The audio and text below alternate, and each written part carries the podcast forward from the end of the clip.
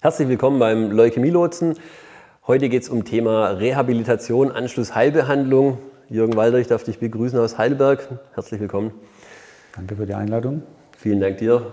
Jürgen, vielleicht ganz kurz, was ist Sinn der Reha? Um was geht es da? Warum soll ich überhaupt in eine Reha, wenn ich krank war, eine Tumorkrankheit beispielsweise hinter mir habe?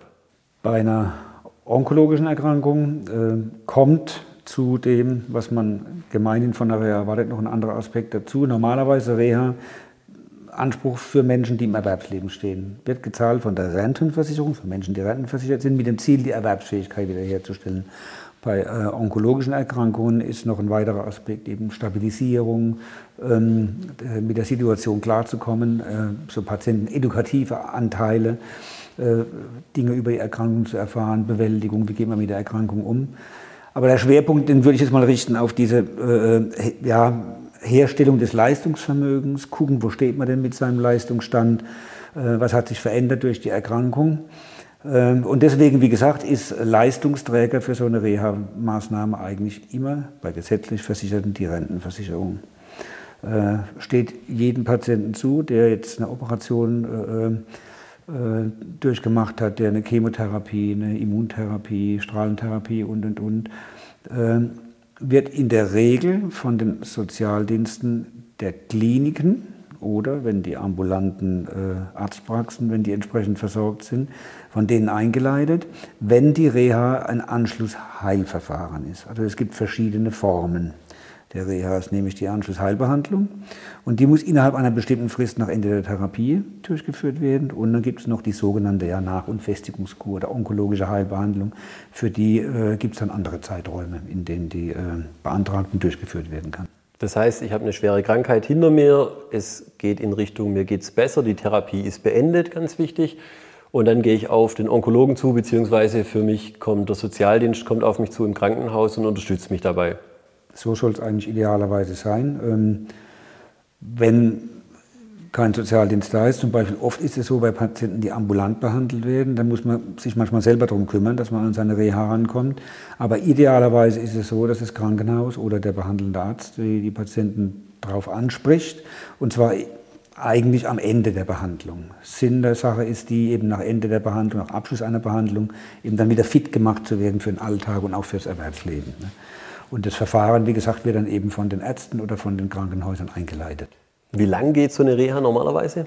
Drei Wochen in der Regel, 21 Tage. Wie gesagt, die, wenn man eine Anschlussheilbehandlung durchführt, in, in, Trägerschaft der Rentenversicherung, muss die innerhalb einer bestimmten Frist, das heißt im Schnitt 14 Tage bis fünf Wochen nach Ende der Behandlung, angetreten werden. Das heißt, man muss sie rechtzeitig auch beantragen. Ähm, dann geht die, wie gesagt, drei Wochen an so einem Reha kann anschließen eine stufenweise Wiedereingliederung und dann geht es je nachdem, wie man, äh, wie es den betreffenden Menschen geht, möglicherweise zurück ins Arbeitsleben. Ne? Oder man muss eben gucken, wie die weiteren Behandlungsschritte sind. Darf da Familie, Partner, Partnerin mit in so eine Reha?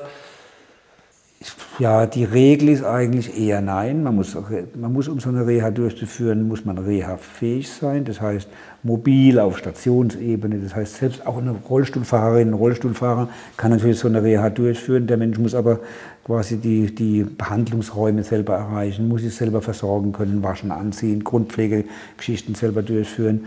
Ähm, Partner, äh, Familie, da gibt es Ausnahmeregelungen bei Kindern zum Beispiel oder wenn eine Familie sehr belastet ist.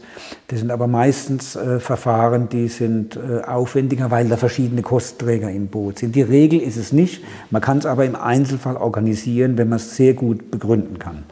Oder auch man zahlt selber. Oder natürlich, klar, wenn man selber zahlt, dann hat man weit, weitaus mehr Möglichkeiten. ja. Dann kann natürlich ja. also die Möglichkeit als eine selbstzahlende Begleitperson ja so eine Reha, äh, mit zu so einer Reha mitzufahren, die besteht in den meisten Häusern. Und dann kann man gucken, ob man unter Umständen über seine eigene Krankenkasse so im Rahmen von so einer ambulanten Badekur, so wie das heißt, selber sich irgendwie Anwendungen besorgen lässt. Das kann man schon machen. Aber wie gesagt, eigentlich ist es ähm, so, dass, äh, dass man die Reha alleine durchführt. Große Ausnahmen sind natürlich Mütter mit Kindern. Da gibt es Möglichkeiten, wenn man Kinder hat, die Kinder, und zwar im Rahmen der Haushaltshilfe, nennt man das, mitzunehmen. Ne? Da kriegt man, man beantragt eine Haushaltshilfe zur Versorgung der Kinder Und dann können die Kinder mitgenommen werden und das ist quasi so die, die, der Ersatz für die Haushaltshilfe.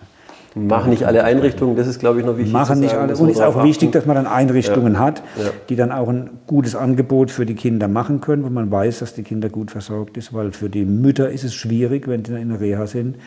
Und dann, ich sage mal so ein bisschen flapsig, die Kinder am Bein haben und den Stress haben, die Kinder zu versorgen dann ist nämlich genau das, was Sie mit der Reha wollen, nämlich sich klären, wo stehe ich denn eigentlich momentan, ne? wie ist mein Leistungsvermögen, wie, was will ich denn, wie sieht mein Lebensplan aus.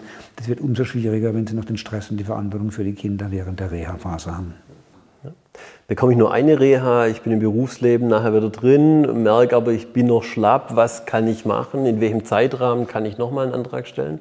Also es gibt die Möglichkeit, nach den entsprechenden Richtlinien gibt es die Möglichkeit, bis zum Abschluss des ersten Jahres, nach Ende einer Primärbehandlung, noch eine weitere Reha zu beantragen.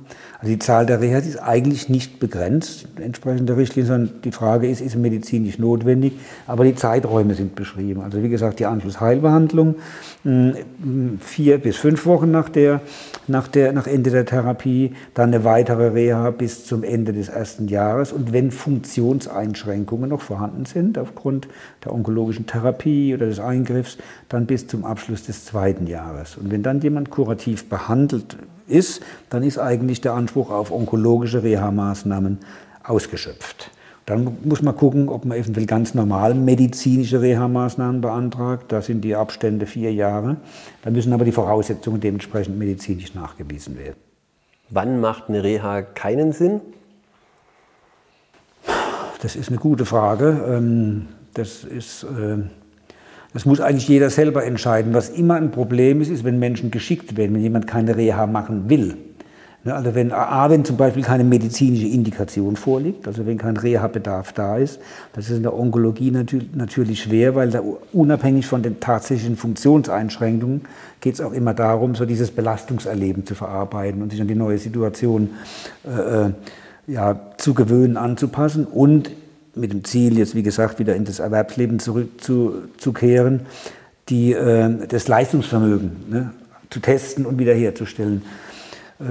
Keinen Sinn macht es dann, wenn jemand nicht will. Wenn jemand sagt, ich möchte wieder zurück an den Arbeitsplatz. Ne, oder wenn jemand sagt, okay, ich habe jetzt einen anderen Lebensplan entworfen, ich möchte gar nicht mehr arbeiten unter Umständen. Also das hängt immer sehr stark mit den eigenen Lebensplänen zusammen. Ähm, oftmals kann man sich aber der Reha nicht entziehen, weil nämlich die Leistungsträger natürlich, die Krankenkassen zum Beispiel, können auffordern, eine Reha äh, äh, zu beantragen oder die Arbeitsämter, wenn man Arbeitslosengeld bezieht. Also man kommt aus der Nummer nicht immer raus, wenn man das nicht möchte. Vielen Dank. Vielleicht eine wichtige Information, es gibt auch krankheitsspezifische bzw. altersspezifische Reha-Einrichtungen. Da macht es einfach Sinn, sich zu informieren. Gerade für junge Patienten gibt es in Deutschland genau. Einrichtungen, mhm. die speziell für junge Menschen mit einer Krebserkrankung sind, wo man einfach dann auf die speziellen Lebensthemen ähm, nochmal anders eingeht, sich im Internet zu informieren und nicht einfach einen Reha-Antrag zu unterschreiben, wo dann standardmäßig irgendeine Einrichtung drinsteht. Ja. Da sicher sind. Gerade für junge Patienten gibt es äh, Rehas für junge Erwachsene, Reha für Kinder. Spezielle Reha für ähm, Brustkrebspatienten. Genau, es gibt spezielle Häuser, die sich auf die Behandlung von jungen Brustkrebspatientinnen spezialisiert haben. Da muss man im Detail dann bei seinem Sozialdienst nachfragen. Jürgen, vielen Dank dir. Sehr gern.